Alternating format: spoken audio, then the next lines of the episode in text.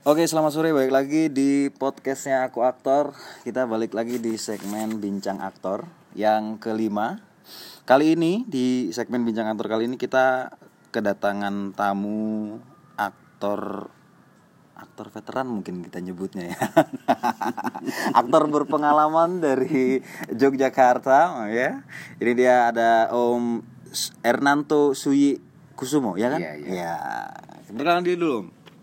Halo, nama saya Ernanto Kusumo biasa dipanggil Suye. Ya nggak veteran sih. Masih ada yang lebih veteran lagi.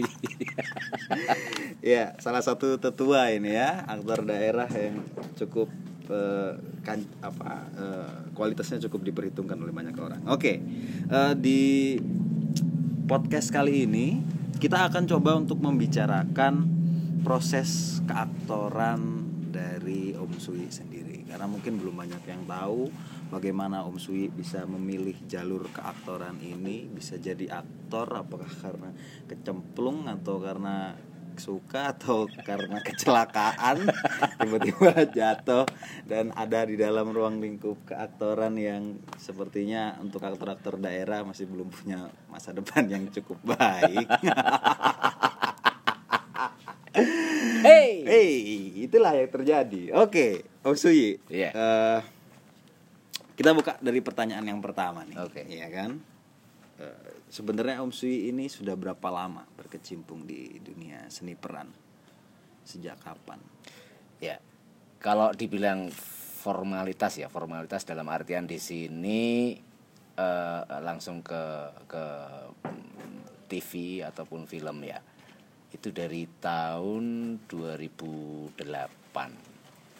Kalau untuk seni perannya secara apa namanya? aplikatifnya kali ya. Mhm. Tapi kalau untuk belajarnya aku mulai dari SMP sekitar tahun 80-an. Cuma berhenti di tahun 90-an karena memang saat itu memang kondisi yang yang saya harus meninggalkan semuanya. Berhenti belajar untuk itu.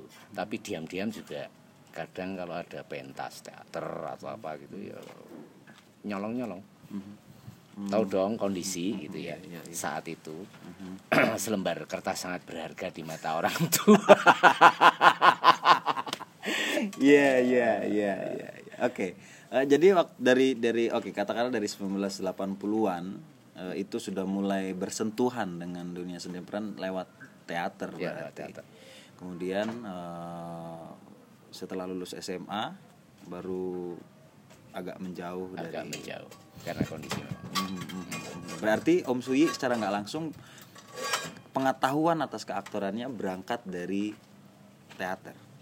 betul secara kalau di- boleh dikatakan itu secara formalnya di, di di teater gitu ya tapi ternyata setelah setelah eh, saya justru dikondisikan untuk diharuskan menjauh itu justru saya menemukan jadi ilmu yang saya dapatkan itu saya aplikasikan ke dalam dunia kerja yang terpaksa saya harus kerja saat itu Kerja apa dulu? salesman Banyak sekali kayaknya yang senasib dengan Anda, Om. Saya salah satunya. Pernah begitu juga. Oke. itu itu itu. Dan dan di sana eh, saya saya menemukan malah justru saya malah belajar banyak karakter di di sana di kehidupan yang nyata gitu. Dan ya bening tahu sendiri lah ya, dunia salesman gitu loh. Ya seperti itu.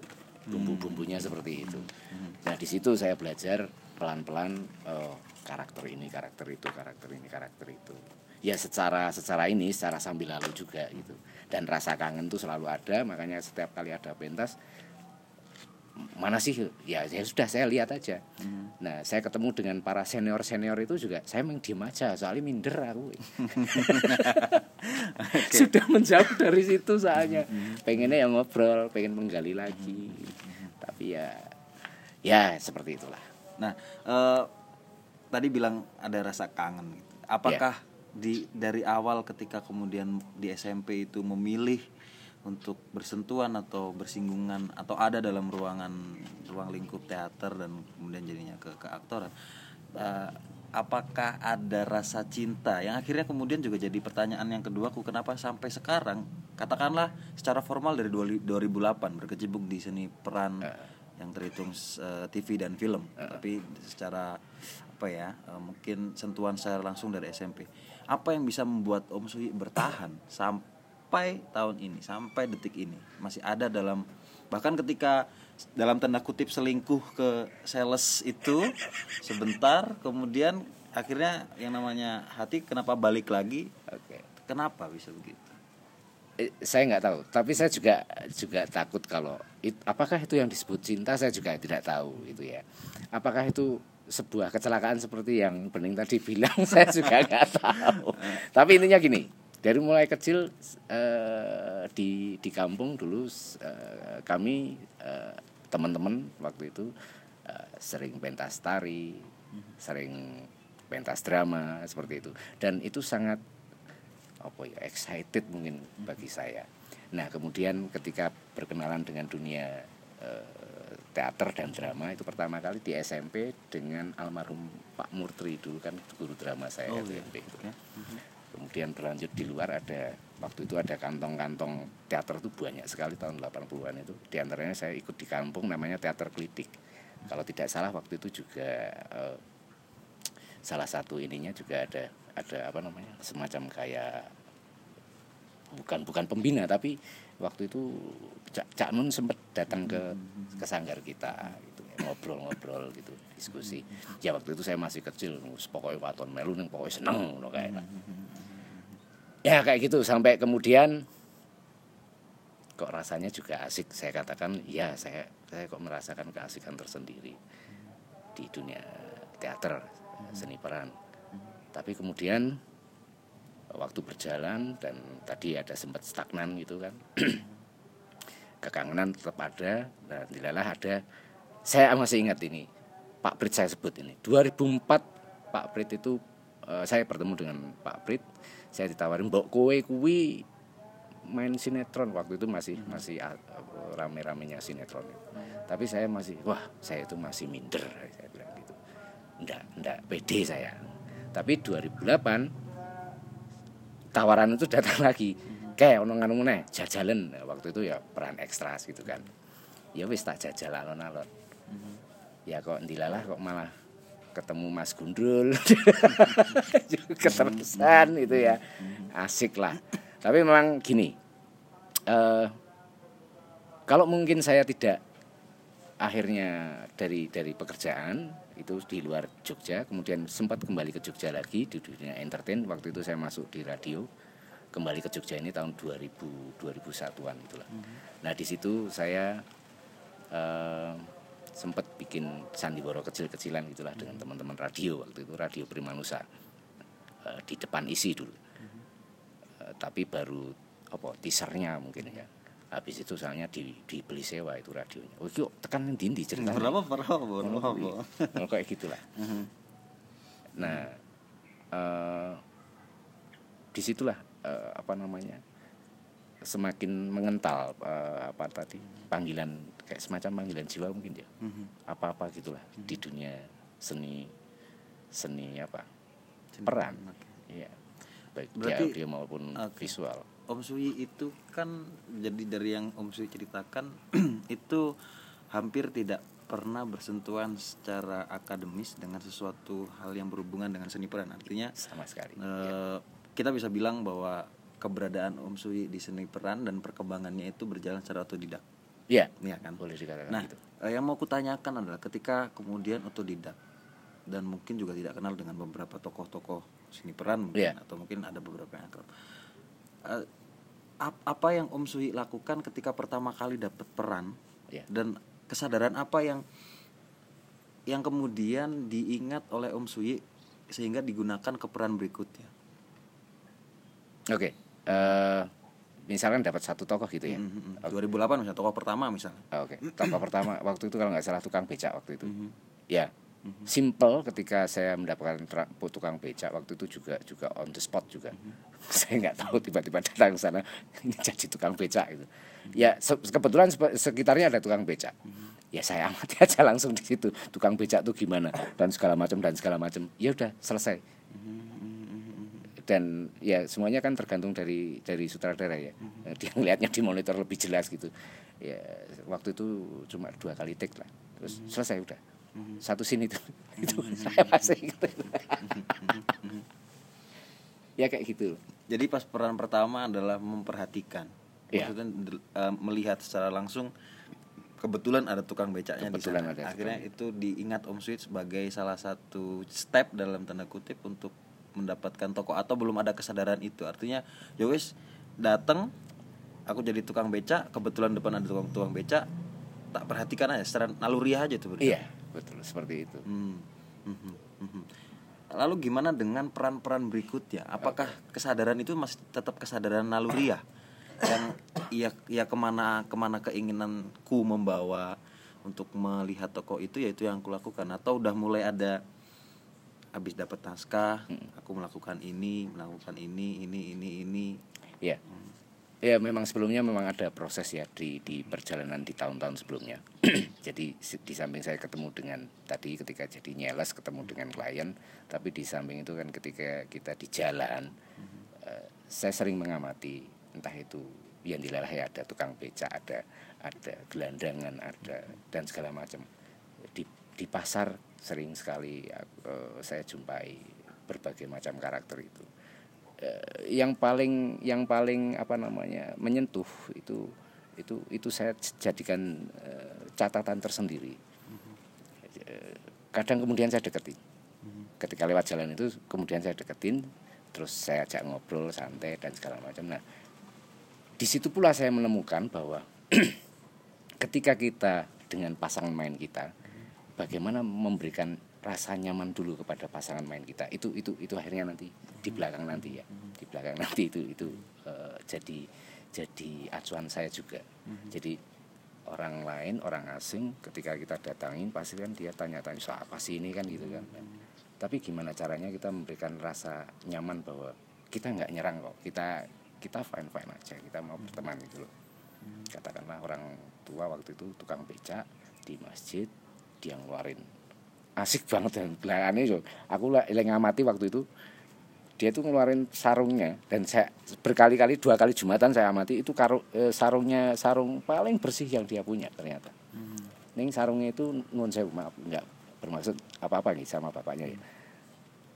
Mulus kayak ke setrika gitu halus tapi udah putih yang coklat gitu loh mas. Gimana sih?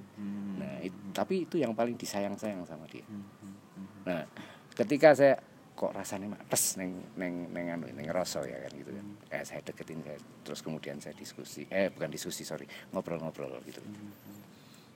Dan segala macam dan segala macam. Nah dari situ eh, dari mulai ya ada tukang becak ada bakul jamu ada ini dan segala macam dan segala macam lah. Akhirnya saya dan kayak apakah pengamatan itu dilakukan ketik cuma ketika dapat toko atau di luar Arab Di luar. lagi main film atau enggak di luar iya. Hmm. Artinya berarti eh, Om Suyi sadar bahwa dalam seni peran yang paling penting adalah mengamati. saya pikir dan untuk sementara itu yang paling terdepan yang saya lakukan Mhm, mhm, mhm. Oke. Eh, berarti kalau sekarang misalnya aku tanya, Om Suyi main film, ya eh, tokoh utama katakanlah, misalnya eh, Kembalilah dengan tenang misalnya, dapat naskah. Apa yang pertama kali Om Suyi lakukan untuk mendekati tokoh itu? Iya, eh, yang jelas ketika eh, saya pas reading, saya nerima, kemudian saya coba baca seluruhnya, yang yang pasti saat itu saya ini ini positioning masing-masing tokoh gitu kan. Ternyata kan si siapa tokohnya Santoso ya waktu itu, Eh, dialah yang pegang rule gitu. Terus saya saya coba eh, dari naskah itu oh, ternyata dari dan saya diskusikan dengan sutradaranya dia golongan menengah sosial maupun ekonominya menengah ke bawah Eh, dan bla bla bla karakternya pasti tidak jauh-jauh dari ini nih ya kalau menengah ke bawah gitu kan.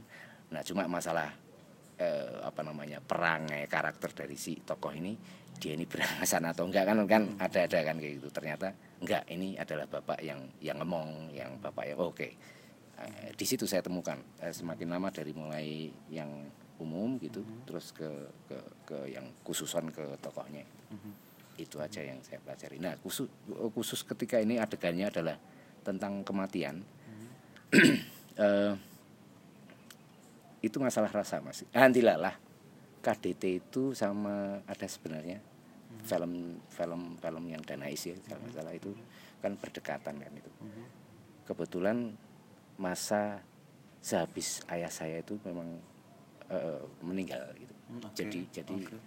jadi itu itu rasa rasa itu yang sebenarnya sebenarnya apakah itu boleh atau enggak saya nggak tahu Hmm. tapi ketika kemudian mencoba memainkan itu membawakan itu itu yang keluar mas Mhm, mhm. dengan sendirinya Hmm, Oke, kalau boleh eh, kasih tahu dikit apa yang dilakukan Om Sui itu sebenarnya namanya emotional memory di Stanislavski Di- system ya, oke. itu namanya emotional memory yang Om Sui berusaha eh, ngambil trigger dari kenangan eh, personalnya Om Sui. Hmm, hmm. Eh, ada yang setuju dengan itu artinya kalau apakah itu sah atau tidak ya semua aktor punya metode masing-masing. Oke, iya. Tapi kalau menurut Stanislavski itu terlalu berbahaya secara psikologi untuk si aktornya. Tapi anyway, berarti eh, cara Om Sui untuk menaklukkan tokoh ketika dapat naskah adalah melihat secara keseluruhan terlebih dahulu positioning tokoh itu dalam naskah. ya Baru kemudian mulai mengkerucut ke hal-hal kayak misalnya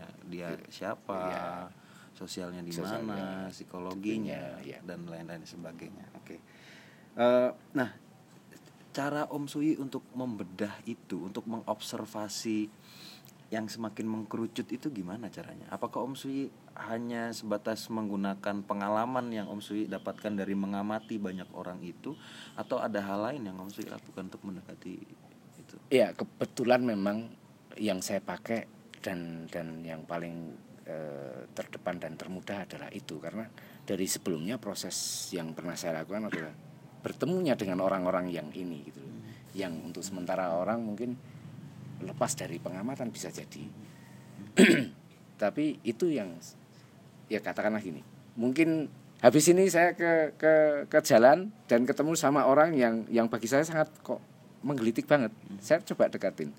Nah itu jadi jadi semacam catatan-catatan juga untuk mem- mem- memperbanyak eh, file katakanlah gitu di memori saya.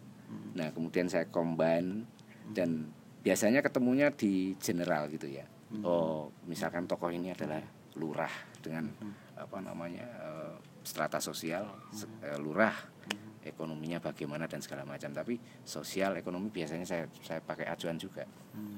Guru SD di pedalaman. Yang guru SD-nya ini mungkin dia dulu orang kaya. Nah ini kan juga nanti akan berbeda dengan guru SD yang dia mungkin dulu dari kalangan menengah ke bawah. Dalam hal cara mengajarnya ya dan bla bla bla. Pasti akan berbeda. Nah, kalau misalnya tokoh yang dapetin Om Sui itu ternyata nggak ada di file yang Om Sui punya, apa yang akan Om Sui lakukan? saya pasti akan diskusi dengan sutradaranya. Hmm. pasti karena karena eh, dialah yang punya punya misi dan visinya Mhm. eh, gambaran tentang tokohnya tentunya. Dan dari situ saya coba untuk akhirnya saya coba berikan penawaran balik lagi. Kalau memang pas ya sudah. Artinya itu tadi eh, misalkan yang pegang rule adalah si A sementara saya pegang B Mhm. Eh, makanya ini nggak boleh di dalam frame itu nggak boleh terlalu ini Hmm. nah bagaimana kemudian saya saya ki- apa bahasanya ya mengkontrol itu agar tidak sampai Terlalu over. iya nah itu dengan cara tadi sering saya mendekati orang asing dan bagaimana orang asing itu menjadi nyaman Hmm.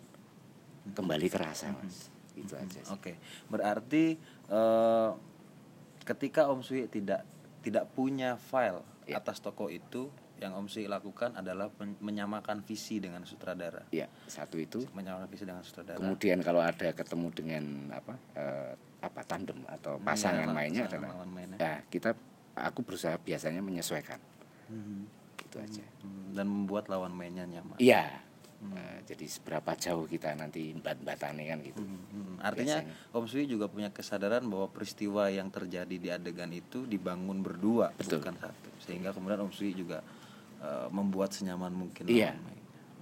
Oke. Eh, bicara soal membedah membedah tokoh nih. Iya. Kalau dapat kalau dapat nas eh kalau dapat tokoh yang jatahnya cukup banyak enak lah. Mm-mm. Kalau dapatnya dikit, misalnya kayak di Sultan Agung. Hmm, Oke. Di Sultan Agung itu kan Om Sui cuma satu adegan Satu scene. tiba-tiba langsung dipukuli dalam kondisi begitu aku nggak tahu apakah dapat naskah yang ada tulisannya A- a- meskipun kalau dapat kupikir juga pasti akan sangat sedikit nah gimana cara Om Suyi untuk membedah toko yang cuma sedikit itu atau berpikir ah ini dikit kok nggak usah dibedah lah Hmm, cuma cuman gini atau apa yang Om Suyi lakukan dengan cuma sedikit kayak gitu Iya, ya pas kebetulan di reading itu kita semua dibagi naskahnya semua. Jadi kita eh, itulah fungsinya eh, big reading dipertemukan semuanya. Jadi sehingga gambaran nantinya ini peristiwa ini bagaimana itu bisa kita bisa merasakan semuanya.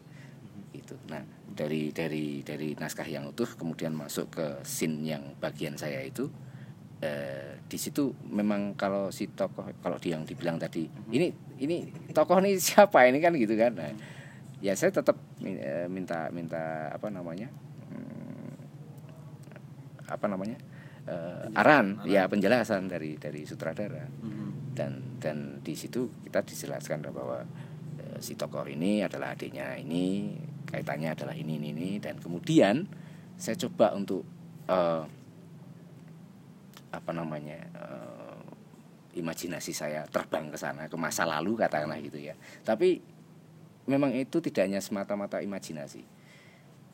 Bahwa ketika melakukan sebuah kesalahan sekecil apa pun itu di kalangan bangsawan yang yang saat itu gitu ya itu sangat sangat itu adalah aib.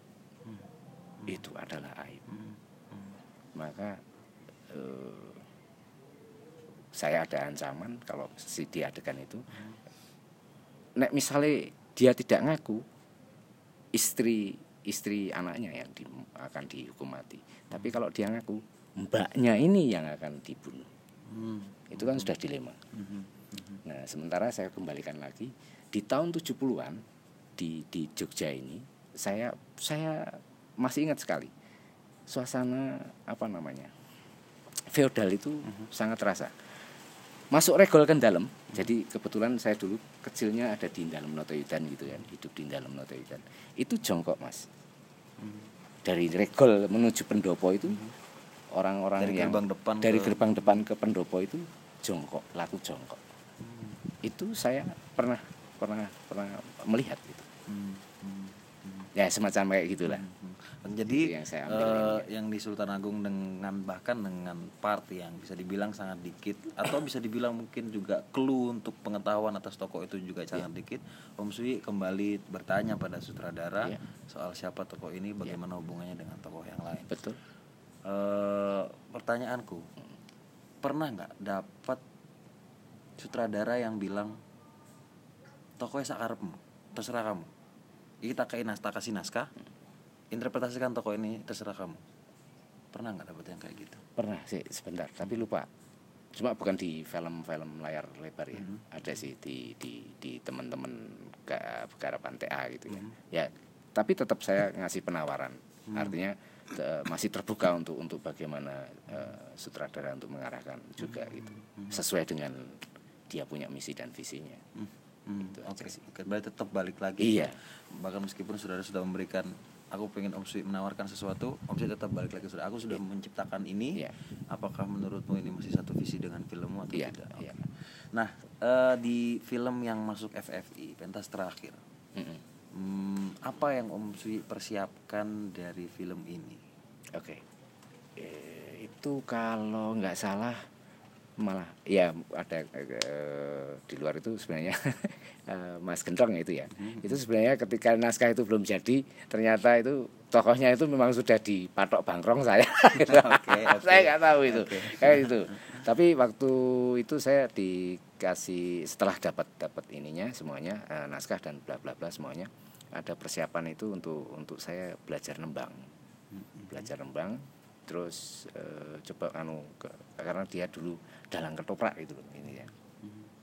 Ya kalau kalau dalang dalang ketoprak eh, saya cuma ngamati dari dari teman-teman yang yang di apa namanya eh, bergerak atau dia aktif di seni peran juga gitu. Dia bagaimana dia menyutradarai dan segala dan segala macam dan segala macam. Dan beberapa senior juga saya melihat bagaimana beliau menyutradarai kan prinsipnya seperti itu gitu kan. Nah cuma yang dikhususkan itu memang aku kudu iso nembang khususnya dandang kulo itu gitu. ya memang secara suara saya akui saya belum belum sampai untuk ke gantemnya gitu. kalau ke gantemnya itu yang saya akui. Hmm, Jadi di pentas terakhir itu selain step yang juga Om Sui lakukan di naskah-naskah sebelumnya Mm. yang juga bersama sutradara dan lain-lain misalnya juga buka file yang apakah itu juga dilakukan buka file eh, simpenan Om Sui atas toko itu di Iya, pentas terakhir apa dilakukan iya peristiwa itu memang sangat menyakitkan ya, tapi iki iki nek tak buka iki dadi iki ana editing iki? Enggak ada kalau peristiwanya Mm-mm. eh, saya mengambil sebuah sebuah ininya ya. Karena itu eh, sosial masalahnya itu. Ada s- kebetulan Pak Lek itu memang salah satu korban dari dari gini. Di penjara yang ora diadili. Ah, oke. Itu Iya. di situ aja saya sudah cukup untuk merasakan bagaimana eh, sepupu saya saya sendiri eh, bule saya sampai juga almarhum ibu saya juga ya katut mas kan. itu aja Oh ya oke. Nah, cerita-cerita yang sedikit sensitif itu nanti kita off record aja. Ini menarik untuk diobrolin. Nah, eh, pertanyaan selanjutnya, Eh, kita pernah satu film dua Iya, kali di A iya, iya. Moment sama di KDT. Eh, aku tiga memperhatikan lagi ya Tiga ya. iya film pendeknya Mbak Ria Oh iya, tiga. tiga lagi filmnya. Oke. Nah, eh, nah dari dari dari dari beberapa kali kita main film bareng, Hmm. eh, aku memperhatikan Om Sui seperti punya punya pola menyusun emosi kesedihan yang sama dan juga bentuk yang sama. Ya. Kalau saya tak rigid ya, Om. Itu biasanya Om Sui akan membuka dari mata, ya kemudian mata akan sedikit bergetar, Ya. kemudian pandangannya akan dilempar kalau tidak biasanya sih ke kanan yang kulit perhatikan, Ya. terus kemudian pandangan akan dilempar ke kiri. Nah, eh, dan itu di tiga film sejauh yang kita pernah bermain bersama, misalnya di di A Moment aku melihatnya di proses latihan, Ya. di KDT aku melihatnya juga di proses latihan dan proses syuting, Iya. di Mbak Ria aku melihatnya ketika proses syuting juga, Oke. dan dan bentuknya hampir mirip. Apakah kecenderungan itu di, diperhatikan oleh Om Sui bahwa oh aku punya kecenderungan begini atau itu jalan aja muncul aja gimana? itu muncul aja Muncul aja. ya jadi kalau itu disebut sebuah pola tapi kan eh, coba eh, kita runut. Itu semuanya kan masalah ke rasa tadi. Jadi pola-pola kesedihanku yang kemudian akhirnya semakin menggigit itu kan ketika saya merasa kehilangan orang yang mengasuh saya sejak kecil itu ya, ayah saya. Itu sangat sangat sangat ini sekali. Eh, nah padahal ini ini saksinya ada ini, Mas Gundul ini. Jadi besok itu syuting rong. Syuting rong di mana tokoh yang saya bawakan itu tidak sedih. Tokoh yang saya bawakan itu eh, sedikit konyol tapi dia agam agamis gitu ya Mas Gundul ya. Besok pagi itu syuting. Tapi malamnya eh sorry sorry sorry, sorry. pagi jam 3 itu saya dikabarin ayah saya meninggal. Dan besok paginya saya, saya, saya sudah selesai semua pemakaman sudah selesai. Besok paginya apakah saya bo- boleh main tidak? Ternyata hari yang ketiga. Dan itu itu semua saya buang. Rasa Perasaan sedih. kesedihan betul, itu. betul. Tapi ketika di KDT eh, saya eh, kembali ke ke ke apa namanya, atmosfer naskahnya itu tadi itu yang muncul Hmm. Nah, ketika sedih, aku nggak tahu juga bahwa apakah saya eh, selalu me- meng- dan itu memang memang nggak saya sadari. Hmm. Ya mungkin apakah itu salah satu juga kelemahan saya. Apakah di aktor itu harus kontrol atau itu mungkin saya harus belajar itu juga kalau memang itu dianggap sebagian sementara bahwa itu adalah sebuah kelemahan karena itu berpola kan gitu kan Hmm. itu tapi ya, ya seperti itu Hmm.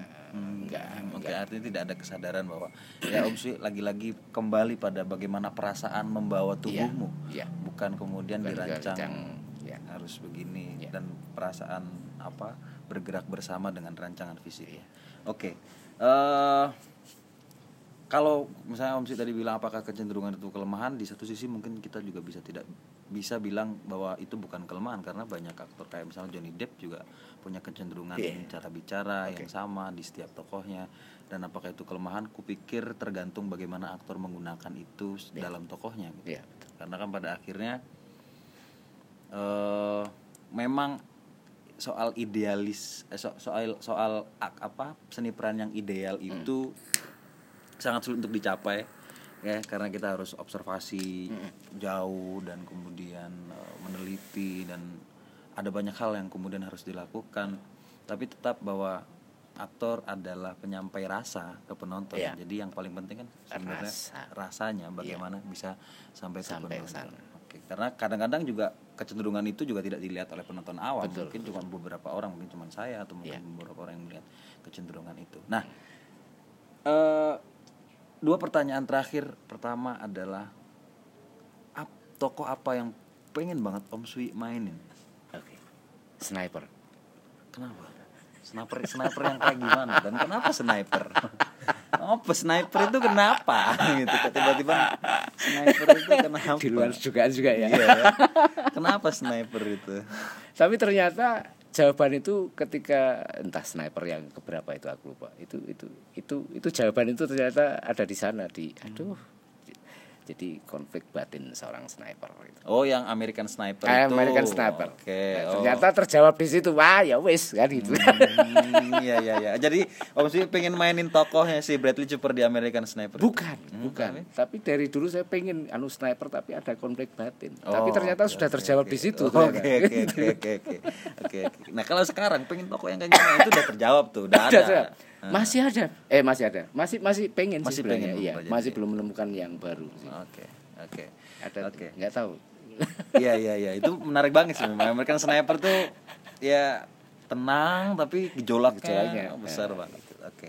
Eh, terakhir pesan untuk teman-teman yang sekarang sedang belajar keaktoran, sedang berkecimpung di dunia seni peran dan ma- se- sedang mau nyemplung di dunia seni peran, apa pesannya untuk Om Sui yang dari sudut pandang orang yang tidak berangkat dari akademisi, Iya. tidak berangkat dari keilmuan keaktoran, kita bisa bilang otodidak apa yang dari sudut pandang Om Sui apa? Satu, ya, yang jelas adalah mereka sangat beruntung ketika ada yang mewadahi, yang memberikan bimbingan, ya, ada yang memberikan bimbingan, arahan. Nah, manfaatkan dan galilah sedalam-dalamnya itu, rebut ilmu mereka, kayak gitu aja udah, karena ya yang jelas pasti adalah disiplin ya, disiplin, dan dan itulah satu-satunya cara bagaimana kalau misalkan mereka ingin menjadi aktor yang baik. Dari awal nek saya bahasanya adalah bebek atus sekali ngetut ke sabun wangi. Sabun wanginya sapa? Ya para pembimbing itu. Nah kita bebeknya bermain-main tapi Mengikuti. mengikuti ngintir ning ora kan Hmm. gitu. nah nanti sampai pada tingkat-tingkat tertentu pasti akan menemukan titik masing-masing Hmm. Oke. Gitu Oke. pokoknya semangat lah Oke. Aku sebenarnya ada satu pertanyaan lagi yang ini gatel banget terus kutanyain. Ada banyak orang yang bilang kayaknya ada anggapan umum bahwa aktor daerah itu nggak mungkin dapet tokoh utama dalam film layar lebar, Iya. apalagi yang berasal dari ibu kota. iya Menurut Om Sui dengan kondisi begitu, bener nggak? Apa aktor daerah tidak punya kesempatan untuk mendapatkan itu atau iya menurut Om Sui aktor daerah adalah second layer? sebenarnya adalah masalah bagaimana eh, eh, yang di sana-sana memang membuka kesempatan.